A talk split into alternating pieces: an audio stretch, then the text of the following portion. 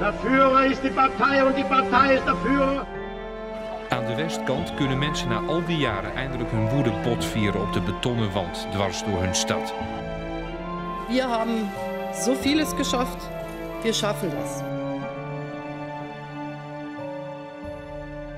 Welkom bij de zevende aflevering van Albanië tot Zwitserland. In deze serie kruisen we heel Europa door en dat doen we op uh, alfabetische volgorde. En we zijn aangekomen bij een land dat cruciaal is voor de geschiedenis van Europa. Duitsland, even de graaf historicus, welkom. De Duitse geschiedenis van de afgelopen 130 jaar ja, is eigenlijk bijna niet te vatten hè, in een aflevering. En toch gaan we het proberen. We kunnen wel een uh, dag vooruit. Ja, nee, precies. Er is ongelooflijk veel gebeurd. Ja. Wat maakt Duitsland zo gevoelig voor eigenlijk al die gebeurtenissen? Ja, het begint al natuurlijk in de 19e eeuw. En dat is ook uh, onze leidraad uh, van al deze verhalen. Dat het nationalisme opkomt. En dan zie je dat het versnipperde Duitsland, dat was uh, de Duitse Bond, dat was echt een, een totaal van, een, ja, ik weet niet hoeveel staatjes en staten. En dat ze toch begint te streven naar eenheid. En met name één man die heeft daar echt zijn stempel op gedrukt. Dat is Bismarck geweest, de ijzerkanselier. En uh, in samenhang met de allereerste keizer van dat uh, keizerrijk, uh, Wilhelm I uit Pruisen, weten ze dan inderdaad ook na een oorlog met Frankrijk van 1870 tot 1871, weten ze van Duitsland een rijk te maken. En dat werd toen meteen het Tweede Rijk. En dat heeft zijn stempel gedrukt op de gebeurtenissen ook in Europa. Want 1871, dat is de Duitse eenwording. Dat is ook wel het meest logische punt om, om onze aflevering mee te beginnen. Hoe zat dat precies in elkaar? Hoe, hoe, hoe werd Duitsland toen geregeerd? Uh, misschien ook wel goed om die oorlog te duiden. Uh, je had toen natuurlijk grote mogelijkheden als Engeland, Groot-Brittannië, je had Frankrijk, je had Rusland. En Duitsland telde eigenlijk niet mee. Maar Frankrijk die kreeg een, ja, probleem voor de kiezer geschoteld dat de troon in Spanje vakant raakte. En toen kwamen ze opeens met een oplossing dat daar een Leopold van Hohenzollern op de troon moest komen. En ik weet niet of je het weet, maar in Pruisen zit ook de familie van Hohenzollern. En dat betekende dat dus eigenlijk Frankrijk ja, ingeklemd zat tussen de Hohenzollerns in Duitsland en de Hohenzollerns in Spanje. En dat wilde de toenmalige keizer, toen had Frankrijk nog een keizer, Napoleon III, die wilde dat ten ene male niet. En die heeft toen een uh, hoog politiek spel gespeeld en heeft gewoon uh, gezegd, ik eis dat deze Leopold van Hohenzollern geen uh, koning van Spanje wordt. En daar heeft hij contact over gezocht met de keizer, Wilhelm I. Die zat toen in een kuurort in Ems. En die moest natuurlijk toch wel eventjes contact opnemen met zijn ijzerkanselier Bismarck. En die Bismarck heeft toen dat, de pesh, een telegram vanuit Ems, heeft hij in het ja, publiek geopenbaard ook wat de Fransen eisten. En toen is het spel op de wagen gekomen. En uiteindelijk hebben de Duitsers gezegd, we gaan echt niet in op de eisen van Frankrijk. Als daar een Hohenzollern op de troon wil klimmen, dan is dat goed. Dat was de reden voor Frankrijk om de oorlog te verklaren. En zo is die oorlog in een hele korte tijd is die gewoed van uh, eind 1870 tot uh, met uh, begin van 1871. En het is een verpletterende nederlaag voor de Fransen geworden. Ze werden vernederd, ze werden verslagen. En tot overmaat van ramp werd de vrede ook nog eens een keertje getekend in de Spiegelzaal in Versailles. Waarbij het keizerrijk Frankrijk beëindigd werd. Werd toen de Derde Republiek. Duitsland werd toen echt een keizerrijk onder leiding van keizer Willem I. De Fransen moesten toen ook nog eens een keer een heel groot gebied afstaan, Elzas-Lotharingen. Zeer betwist gebied, ook elke keer een speelbal tussen uh, Duitsland en tussen uh, Frankrijk. Ze moesten ook nog eens een keertje miljarden aan herstelbetalingen, schadevergoeding betalen aan de Duitsers.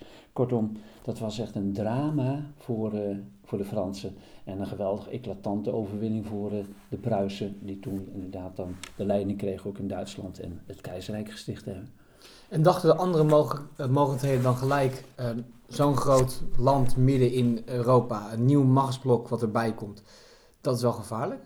Ja, dat, uh, met name ook omdat keizer Willem II, die uiteindelijk in 1888, dat wordt wel eens een keertje drie keizerjaar genoemd. velen denken dat Willem II de zoon van Willem I is, maar dat is absoluut niet zo, dat is zijn opa. Die heeft geregeerd tot 1888 en dan krijg je zijn opvolger, dat was Friedrich de derde, Frederik III, dat was de vader van Willem II. En die heeft maar 90 dagen geregeerd, die kreeg keelkanker. En toen in hetzelfde jaar hadden ze dus eerst nog Willem I, toen Frederik III en uiteindelijk Willem II. En die Willem II, dat was een, uh, ja, een hele brisante man. Nou, daar zou je echt uren over kunnen vertellen. Ik had er wel eens lezingen over.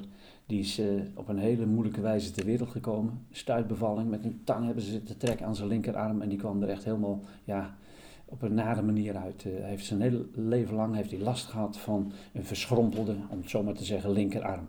Wat ze daar niet mee gedaan hebben, met oefeningen, rekken, stretchen, spalken, eh, hazen werden geschoten en die werden opengesneden. Prompt werd het armpje erin gelegd om de bloeddrukstroming beter te krijgen. Het is nooit goed gekomen, dat is ook de aanleiding geweest voor een enorm minderwaardigheidscomplex voor eh, de keizer. En dat heeft hij gecompenseerd met grote daden.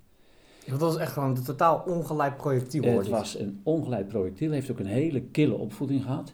Zijn eh, moeder, dat was een, uh, een Engelse prinses, Victoria, ook een dochter van de grote Victoria. En die was vrij liberaal, was helemaal niet populair in Duitsland. Veel te modern, te vooruitstrevend. En zij schaamde zich voor ja, de arm van haar zoontje en Eigenlijk heeft ze weinig naar hem omgekeken. Een liefdeloze opvoeding heeft hij gehad. Hij werd meteen echt uh, helemaal gedrild om uh, militair te worden. En dat heeft ertoe geleid dat hij van die ja, grillige, eigengerijde, eigenzinnige dingen deed. Uh, want binnen de kortste keer ook, zo treffend, neemt hij afstand van de ijzerkanselier van Bismarck. En die Bismarck, dat was de man die gewoon wist, wij zitten nu inderdaad ook wij staan op de kaart van Europa, maar Frankrijk is onze machtigste tegenstander en die zint maar op één ding wraak. Die wil Elsass-Lothringen terug, die wil die nederlaag breken. We moeten verdragen sluiten met alle landen in Europa om Frankrijk te isoleren. Dat heette de verdragenpolitiek. En er zijn er wat geweest. 1873, een herverzekeringsverdrag tussen de keizers die er toen waren. Duitse keizer, de Russische keizer, de keizer van Oostenrijk-Hongarije. Dan krijg je in 1879 een speciale tweebond, een band tussen Duitsland en Oostenrijk-Hongarije. Dan krijg je in 1881 de driebond, komt Italië er ook nog bij. Allemaal met de bedoeling om Frankrijk te isoleren. En wat doet Willem II als hij aan de macht komt? 1890 wordt Bismarck de Laan uitgestuurd. Hij trekt zich niks meer van die verdragen aan, laat ze verlopen. En hij zegt, ik ga me bezighouden met de vrije handspolitiek. Ik wil de handen vrij hebben, ik wil niet binden door allerlei verdragen. En dat heeft uh, ja, echt geleid tot allerlei spanningen in Europa. Want ik heb ook een, een ik las een voorbeeld dat, dat, de, dat de Russische tsaar, het is allemaal familie van elkaar, is ook een neef van, uh, van Willem ja. II. Hè? Ja. Als die op bezoek komt, dat hij denkt, ach, ik moet naast die man zitten. Dan moet ik de hele avond naar zijn georeer luisteren. Klopt. Um, ja. Hij mocht graag de boventoon voeren. En uh, ze waren allemaal familie van elkaar. Uh, want uh, hij was weer de kleinzoon, Willem II, van de grote Victoria. En Victoria had juist in tegenstelling tot haar dochter wel meelijn met het jongetje met die verminkte arm. En hij heeft vaak op schoot gezeten en dat was het lievelingskleinkind eigenlijk in het begin van de Engelse koningin. Later heeft zich er ook weer van gedistanceerd. Maar over en weer met de Russische tsaar, de Willy Niki-correspondentie. Ze hebben heel wat brieven. En dan beginnen ze echt met de, met de mooiste aanhef, uh, beginnen ze dan die brief uh, dat ze zogenaamd heel erg dik met elkaar zijn. Maar uiteindelijk is het allemaal uit elkaar gegroeid natuurlijk door dat eigenzinnige, eigengerijde optreden van uh, keizer Willem II met name. Maar los van alle familieperikelen, het beleid van, of misschien wel het geen beleid van Willem II, zorgde dus wel voor heel veel onrust in Europa. Ja, hij heeft met name ook ervoor gezorgd met Engeland, dat is natuurlijk hè, de splendid isolation, dus dat wij zitten op een eiland, wat hebben wij met het continent te maken. Maar Engeland had een geweldige grote vloot. En ze hadden een stelregel, de two-power standard, de Engelse vloot die moet net zo sterk zijn, minimaal als nummer 2 en 3 ter wereld. En wat gaat nou uh, onze vriend Willem II doen? Die gaat inderdaad meteen als eerste gaat hij ook bouwen aan een Duitse vloot. Want hij wil ook een grote mogelijkheid zijn. En een grote mogelijkheid die heeft natuurlijk een vloot. En met die vloot ga je kolonies veroveren. Maar vanwege het feit dat ze zo laat een Duitse eenheid hadden geregeld, kwamen ze achteraan in de race om kolonies. Veel was al vergeven. Kleine landen als België en Nederland hadden enorme grote gebieden en Duitsland had praktisch niks. Uiteindelijk hebben ze alleen maar wat gebieden in Afrika gekregen. En ze kregen ook nog wat gebieden in China. Maar ze kwamen gewoon achteraan. Maar hij zei, Duitsland wil een plaats aan de zon. Wij willen ook gewoon onze plek onder de zon en ook op de kaart staan, de wereldkaart, met kolonies. Waar Bismarck eigenlijk op tegen was. En zo gaat hij dan bouwen aan een vloot tekent zelf met zijn uh, rechterarm, uh, daar kon hij nog goed mee tekenen, tekent hij zijn eigen kruisjes op papier en is daar continu mee bezig. Met een admiraal van Tirpitz heeft hij toen ook in de arm genomen en zijn ze met een heel prestigieus vlootbouwprogramma begonnen, wat een doorn in het oog was van, van Engeland. En bovendien ook dat ze nog een keer kolonies probeerden te werven in Afrika. Dat stoot ook weer op Frankrijk, die er ook zat met kolonies. En ook op Engeland, die er zat. En dat levert dus allerlei botsingen op. Maar ehm, Europa is verdeeld in bondgenootschappen. Ja. Ehm, Ik neem aan dat Duitsland wel bondgenoten had. Duitsland had bondgenoten. Dat, eh, die tweebond, die had een, ik meen een verloop van eh 10, 20 jaar. Dan moet ik eerlijk zeggen dat ik dat even niet zo gauw weet. En de driebond, waar dan Italië ook bij kwam in eh, 1881, dat had inderdaad ook eh, zijn looptijd. En eh, er werd wel rekening mee gehouden met die bondgenootschappen nog. Eh, dat waren natuurlijk potentiële medestanders en niet 2 van drie tegenstanders, dat is duidelijk. En dan breekt de Eerste We- eh, Wereldoorlog uit. Wat is het Duitse plan? Eh, je had een, eh, een Duits generaal op het eind van de 19e eeuw, die heette von Schlieffen. En die von Schlieffen heeft een eh, masterplan heeft die, bedacht, waarbij het Duitse leger heel snel moest afrekenen met de sterkste tegenstander in Europa. En dat was in hun ogen Frankrijk. En Frankrijk had weer een bondgenootschap sinds eh, 1894 met, met Rusland. Ze moesten een hele snelle actie, dat moest een bliksemsnelle oorlog worden, een blitzkrieg, moesten ze afrekenen met Frankrijk. Maar Frankrijk had hele grote versterkingen aangelegd langs de grens. En toen heeft hij dat meeste plan heeft hij opgesteld door die verdedigingslinie te omzeilen, door met één grote militaire armbeweging, tangbeweging, door Nederland en België heen. En dan of, eh, Frankrijk aan de noordkant, die helemaal niet verdedigd was, binnen te vallen. Snel doorstoten naar Parijs en dan die Franse legers in de rug aan te vallen. En dan zouden ze in zes weken afrekenen met de tegenstander Frankrijk. Dat moest kunnen met die blitzkrieg. Rusland was een onmetelijk groot rijk. Zwaar Dat had- verouderd ook. Ja, ook verouderd. Maar dat had zeker hadden ze berekend, de- de techneuten in het eh, Duitse leger, dat dat eh, bijna twee maanden nodig had om te mobiliseren. Nou, dan konden ze net in die zes weken afrekenen met Frankrijk. Dan konden ze de legers weer op transport zetten richting de grenzen met eh, Rusland. En daar dus inderdaad met de Rusland de oorlog uitvecht. Een meesterplan, uiteindelijk bijgesteld door een eh, von Moltke in 1906, toen hij van Schlieffen van het toneel verdween. En tot geluk van Nederland, want heeft gezegd, we hebben Nederland niet nodig, maar we gaan alleen maar via België een aanval plegen op eh, Noord-Frankrijk, om zo bij Parijs en in de rug van de Franse legers te komen. Is die aanvallende instelling, heeft dat ervoor gezorgd dat eh, de Eerste Wereldoorlog in een stroomversnelling kwam? Nou, dan gaan allerlei verdragen en geheime diplomatie, die gaan dan eh, natuurlijk ook eh, eh, tot uiting komen. In het geniep werd er overal onderhand door de leiders met elkaar. En dan zie je gewoon dat met name ook de landen op de Balkan, dat die zich gesteund weten grotendeels toch wel door Rusland. En dan wordt er een heel hoog gevaarlijk spel gespeeld. Als dan die aanslag plaatsvindt op 28 juni 1914 van principe op de gedroomde opvolger van eh, de keizer Frans Ferdinand, dan eh, zie je opeens dat eh, Servië toch echt een grote broek aantrekt. Ze werden zich gesteund door met name ook Rusland. Oostenrijk stelt een heel ja, fel ultimatum, heel streng ultimatum, dat ze zelfs eh politieagenten willen hebben op Servisch grondgebied Servisch grondgebied om de dader op te zoeken. En dat weigert Servië, zich gesteund weten door eh, Rusland. En dan wordt de oorlog verklaard in augustus 1914. En dan zie je meteen dat dat verdragenspel toch zijn invloed heeft. Dat Servië gesteund wordt door Rusland. Dat eh, eh, Oostenrijk-Hongarije gesteund wordt door Duitsland. En als Duitsland Be- eh, België binnenvalt, dan gaat ook nog een verdrag uit 1839 opeens actief worden. Want toen had grote mogendheid Engeland gezegd. Wij garanderen de neutraliteit van België. Nou, die werd geschonden door de Duitsers. Dus toen sprongen ook nog eens een keertje de Engelsen in de oorlog. En toen kwam het hele spel op de wagen. Met eh, ja, de verdrietige gevolgen van die afschuwelijke oorlog die er gewoed heeft van 1914 tot 1918. Vier jaar oorlog, ehm, de, loopgravenoorlog, we kennen de verhalen. eh, eh, een gigantische strijd, waarin heel veel soldaten omkomen. Ehm, maar waarom verliest Duitsland uiteindelijk de oorlog? Eh, nou, in eerste instantie dat uh, von Schlieffen-plan, eh, dat lukte al niet vanwege het feit dat A, de Belgen meer tegenstand boden dan ze verwacht hadden. Uh, worden dan uh, door de Duitsers dat genoemd, uh, sluipschutters die uh, allerlei acties voerden tegen oprukkende Duitsers. Bovendien, Engeland stapte in de oorlog en stuurde meteen troepen dus uh, naar België toe om inderdaad ook de Belgen de helpende hand te bieden. En als ze Frankrijk binnentrekken, want ze weten bijna toch binnen de kortste keer heel België te veroveren. Alleen in de Westhoek blijft dan een gedeelte vrij. Maar dan komen ze bij de Marne en dan heb je het wonder van eh, de Marne. Dan weet een uh, Frans generaal, Gallieni, heel veel soldaten die eigenlijk Parijs moeten beschermen in taxis te proppen. En die worden allemaal naar het front van de Marne gereden. En daar stokt de Duitse opmars. En dan begint daar in plaats van de Blitz, Blitzkrieg de Sitzkrieg. En dan zie je natuurlijk dat uh, eigenlijk gedurende die jaren die fronten bijna niet veranderen. En op het eind verliezen ze toch de oorlog vanwege het feit dat met name ook in 1917 door de Duitse onbeperkte duikbootoorlog Amerika aan de oorlog komt. En ook, nou, ik weet niet hoeveel duizenden, honderdduizend soldaten ook naar het front in Europa stuurt.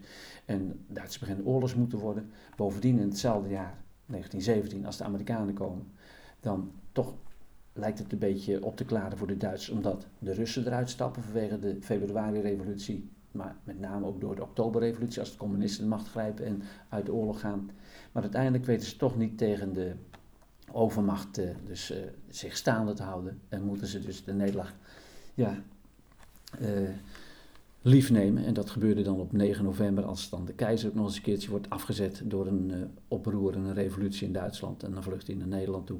En, naar, naar Amerongen, als ik het goed heb. Hij, hij komt bij IJsden de grens over op uh, 10 november. 9 november had je dan een beladen datum in Duitsland, 9 november. Komt bij de val van de muur ook nog weer op en bij andere gelegenheden misschien. Maar op 9 november de keizer afgezet. Hij zit in Spa, hoofdkwartier.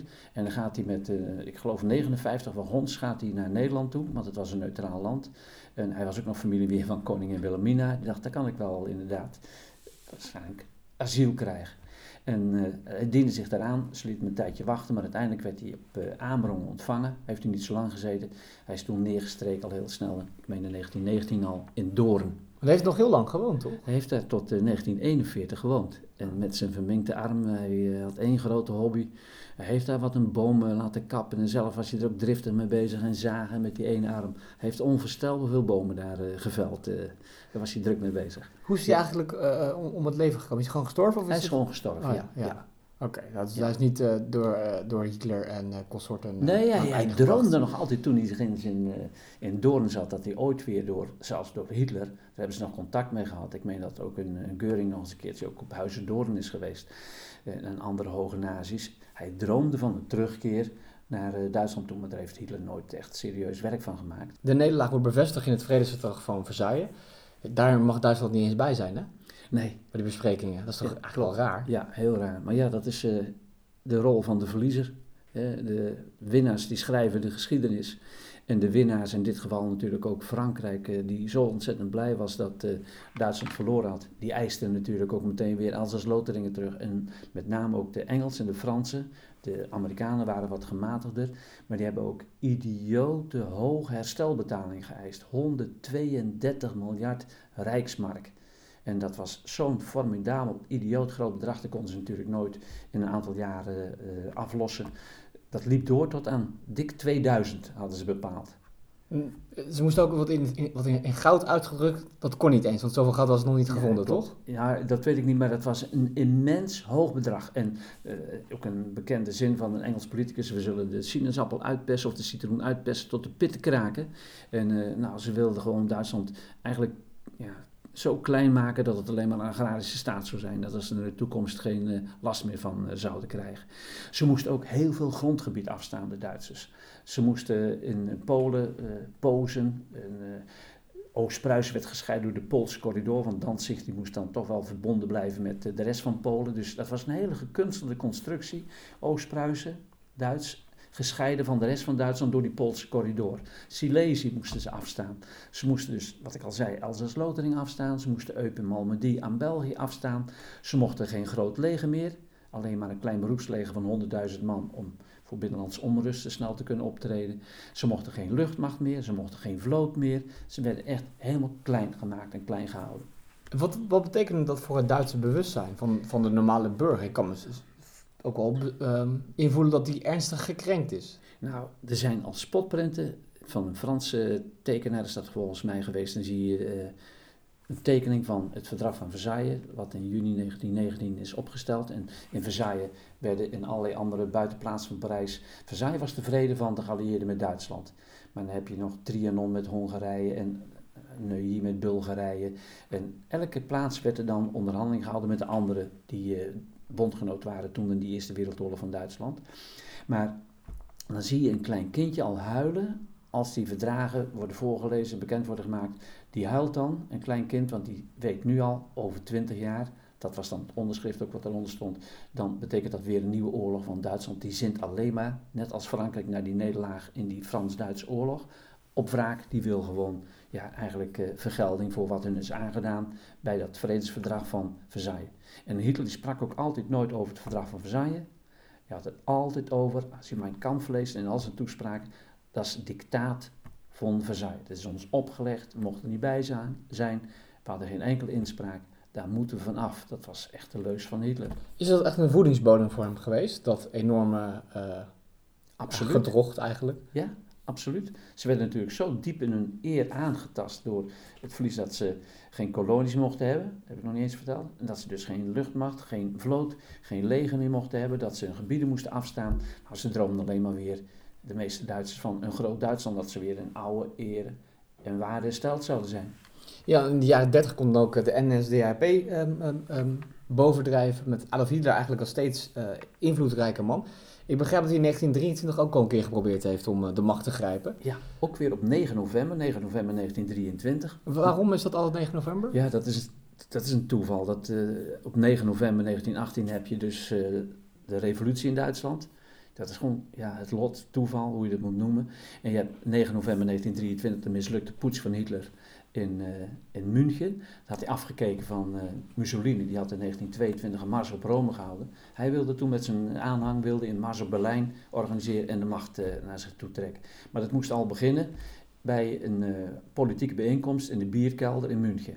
En dat is toen falikant misgelopen. Dus dan zeker lijfwachten is toen het tot de confrontatie kwam op de straten, in de straten van München. Uh, politie, een deel van het leger tegenover de aanhang van Hitler. Hij liep zelf voorop met een gehuurd jacket aan.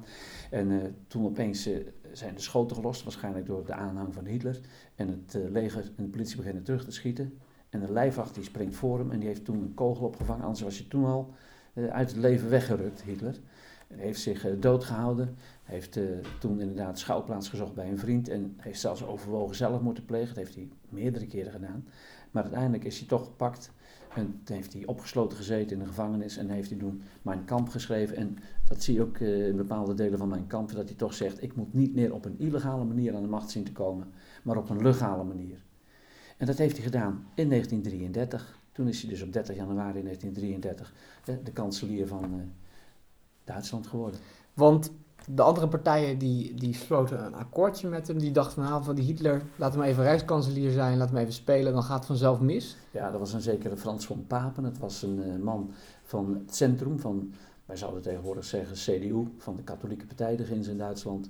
En die wilde met een paar andere uh, conservatieve figuren op de achtergrond. Nou, die Hitler, die heeft een hele grote mond, we moeten een beetje inkapselen als hij kanselier wordt, dan dimt hij wel, dan uh, wordt hij wel gematigd en dan kunnen we naar onze hand zetten, dan nemen we hem in dienst. Nou, een enorme misrekening, want binnen de kortste keren had Hitler echt, dat is in fenomenaal snel tempo gegaan, had hij binnen een half jaar had hij van Duitsland de dictatuur gemaakt. En, en die van Papen en dergelijke hebben allemaal buitenspel gezet? Ja, van Papen, Hitler heeft zelfs overwogen, die heeft uh, nog, hij was zelfs in het allereerste kabinet van Hitler, was die vice-kanselier. En ik weet niet of je al eens een keer gehoord hebt, 30 juni 1934, de nacht van de lange messen. Toen stond hij zelfs op het lijstje van Hitler om ja, met hem af te rekenen. Is uiteindelijk niet gebeurd, hij heeft de, de oorlog overleefd. Maar hij werd toen wel als politicus dus al, trad hij zelf ook terug en werd hij aan de kant geschoven. Maar uh, in ieder geval, uh, Hitler die had in no time had hij het hele land zijn wil opgelegd. Jij zet ongelooflijk veel momenten in in die aanloop naar de, eerste, of naar de Tweede Wereldoorlog, uh, Nacht van de Lange Messen, Kristalnacht, maar ook de Kristal, of ook de Rijksdagbrand. Waarom is die zo belangrijk geweest voor de ontwikkeling of in de aanloop naar de Tweede Wereldoorlog? Dat was natuurlijk, natuurlijk het centrum ook van de politiek nu en toen. En toen was er een Nederlandse communist, Marinus van der Lubbe, en die ergerde zich mateloos aan, met name ook uh, het optreden van uh, de dictator Hitler. Hoe die inderdaad communisten, socialisten, joden dus uh, uitschakelde, in concentratiekampen opsloot. En die wilde naar Duitsland toe om een vlammend protest te maken tegen wat Hitler deed. Hij had, eh, op de bouw had hij twee keer over een naar ongeluk eh, meegemaakt. Hij had kalk in zijn ogen gekregen. En hij was verder een hele sportieve vent. Hij heeft nog plannen gehad om eh, als kanaalzwemmer wat geld te verdienen. Een blad Panorama, die loofde een beloning uit. En, want je ziet foto's, dan is hij waarschijnlijk zwaar onder de druk gezet na zijn arrestatie. Dat hij als een ja, halve debiel daar loopt. Maar het was gewoon een gezonde knaap, behalve dat hij slecht zicht had. Die gaat dan naar Berlijn toe en die heeft waarschijnlijk te loslippig is hij geweest. Heeft hij eh, rondgezongen wat hij van plan was. En toen hebben de nazi's, die hadden overal een spion zitten, hebben dat opgepikt. Die dachten, nou dit is een uitgelezen kans. Als die gek de Rijksdag in brand gaat steken, dan zullen wij een handje helpen. Kunnen we in één slag de hele politieke tegenstand platleggen. Want er is een artikel 48 in de grondwet van de Republiek van Weimar dat de president, en dat was toen bijna Hitler, dat was toen nog een oude van Hindenburg, maar dat dan in noodgevallen mocht hij gewoon het hele parlement tijdelijk uitschakelen. Gewoon de noodtoestand uitroepen. Kon hij de noodtoestand uitroepen. En uh, het bijzondere verhaal is dan ook nog dat toen net in die periode, dat was dan uh, 27 februari 1933, kort nadat Hitler aan de macht was gekomen, dat die werd voorzitter van de Rijksdag en die kreeg dan een woning pal naast de Rijksdag. En uit zijn, vanaf zijn woning liep er een onderaardse tunnel naar de Rijksdag toe. Want één man, het is zo immens gebouw, ik ben er meerdere keren geweest, daar kun je nooit in je eentje in de brand steken. Dan moet je echt, ik weet niet hoeveel uh, kennisbenzine hebben, die had hij allemaal niet. Ze hebben gewoon een handje geholpen. En er is dus brand uitgebroken, ook weer heel snel uh, gedoofd natuurlijk. Meteen een aantal mensen gearresteerd. Daar was hij er eentje van. Maar ook die Dimitrov, toen we met Bulgarije erover spraken, hebben we die Dimitrov ook nog een, uh, genoemd. Torkler, een, een Duits communist, maar die wist zich tijdens het proces vrij te spreken. Maar hij werd inderdaad veroordeeld voor brandstichting. En is toen al op 10 januari 1934 door de valbijl in Leipzig is hij onthoofd. Maar dat was voor Hitler de aangewezen gelegenheid om artikel 48 meteen te gebruiken. En alle politieke tegenstanders, die werden toen meteen A opgepakt, de kopstukken, en alle politieke partijen werden verboden. Prompt erop alle vakbonden verboden. Nou, werkelijk binnen een half jaar tijd had hij van, dus de Republiek van Weimar, had hij een dictatuur gemaakt. En die eindigt dan ook in 1933 en dan begint Hitlers Derde Rijk wat duizend jaar zou geduren. Gelukkig heeft het maar twaalf jaar geduurd. Maar dat is zijn derde rijk van 33 tot en met 45. En die van der Lubbe, met zijn protest, uh, met het vlammend protest, heeft eigenlijk meegeholpen aan ja, de het van de democratie. Ja, ja. dus dat, was het eigenlijk een, een, een tegendraads effect van wat hij van plan was. Ja. Hitler, die wordt ook steeds populairder. Kijk, ik kan me voorstellen dat als, als, als hier iemand in Nederland democratie buiten werking stelt, nou, dat hij, dat hij ja, bijna gelinst wordt. Maar Hitler die werd ook wel populair in de, onder de bevolking. Absoluut. Uh, toen hij aan de macht kwam in 1933, had je in Duitsland vanwege de beurskracht in Wall Street, uh, dat was dus eind oktober 1929, had je binnen de kortste keren 6 miljoen werklozen. Echt enorm veel. Heel veel bedrijven lagen plat, uh, lege fabriekshal, alom, kom in kwel. En wat gaat hij doen als hij aan de macht komt? Dan gaat hij binnen de kortste keren gaat hij echt de oorlogsindustrie gaat hij weer natuurlijk uh, uh, reanimeren, die gaat hij stimuleren, daar gaat hij heel veel geld in stoppen. Heeft ontzettend veel schulden heeft hij gemaakt. Met in het achterhoofd de bedoeling, al die miljarden schulden die we nu hebben, die haal ik gewoon terug bij al die landen die we gaan veroveren in de toekomst. Dat was echt zijn opzet, dat moet je niet vergeten. En hij weet dus inderdaad ervoor te zorgen dat de mensen weer werk krijgen in de zware industrie, in de oorlogsindustrie. Hij gaat het leger uitbreiden tegen alle bepalingen van het verdrag van Versailles in dat hij eigenlijk maar een leger van 100.000 man mocht hebben. Hij gaat weer bouwen aan een luchtmacht. Hij uh, gaat autobanen gaat hij aanleggen. Hij weet uh, gehuwde vrouwen en communisten enzovoort en joden die weet hij te ontslaan. En die komen niet op de lijst van, uh, van werklozen te staan. En je ziet binnen de kortste keren dus meer werkgelegenheid. Treinen gingen weer op tijd lopen. De economie begon op te bloeien enzovoort. En wat hij ook voor elkaar wist te krijgen, dat hij ook nog bepaalde gebieden die bij de Vrede van Versailles Duitsland eigenlijk waren afgenomen, het Rijnland en het Saarland, weet hij via slinkse manipulatieve toestanden weet hij ook weer binnen het Rijk te krijgen. Hij werd mateloos populair, omdat hij dingen die hij gezegd had ook wist waar te maken. Maar we zijn 15, 16 jaar verder uh, na de Vrede van Versailles. Is, is Hitler en Duitsland dan langzaam uit, uit de handen van de geallieerden, om het zo te noemen, geglipt? Is, zijn ze langzaam de controle kwijtgeraakt? Ik denk het wel. er waren ook al in de jaren 20 waren er al plannen om aan die onmetelijk hoge bedragen van die 132 miljard uh, goudmark dat zag eigenlijk iedereen in, dat kon een land nooit ophoesten. En toen hebben ze al in 1929 plan Young, hebben ze gezegd we moeten terugblijven tot, terugbrengen tot 59 jaar. En toen werd het van 132 al geminimaliseerd. Ja, tussen aanhalingstekens tot 114 miljard werd het al teruggeschroefd. En, en zag gewoon in dat het eigenlijk ook niet kon. Elk land had te kampen, een beschaafd modern land in Europa, met die enorme werkloosheid. En ze zagen gewoon dat Duitsland ook daarmee te tobben had. En ze moesten niet echt uh, uh, Duitsland zo lang op de pijnbank leggen. Geef ze meer ruimte. En bovendien, dat speelde ook nog bij hun achterhoofd mee. Hij had altijd gezegd, als ik aan de macht kom, dan ga ik een kruistocht houden tegen het communisme. En ze vonden me wat prachtig de leiders in Frankrijk en met name ook in Engeland, en Chamberlain met name. Als hij agressief is, laat hem dan zijn agressiviteit uh, ontwikkelen richting Oost-Europa. Prima, laat hij daar maar de communisten aanpakken. Dan hebben wij nog een goede buffer in Europa. Ja, ze dachten van nou, als die twee elkaar uh, goed bevechten, dan uh, zijn wij de lachende derde. Ja,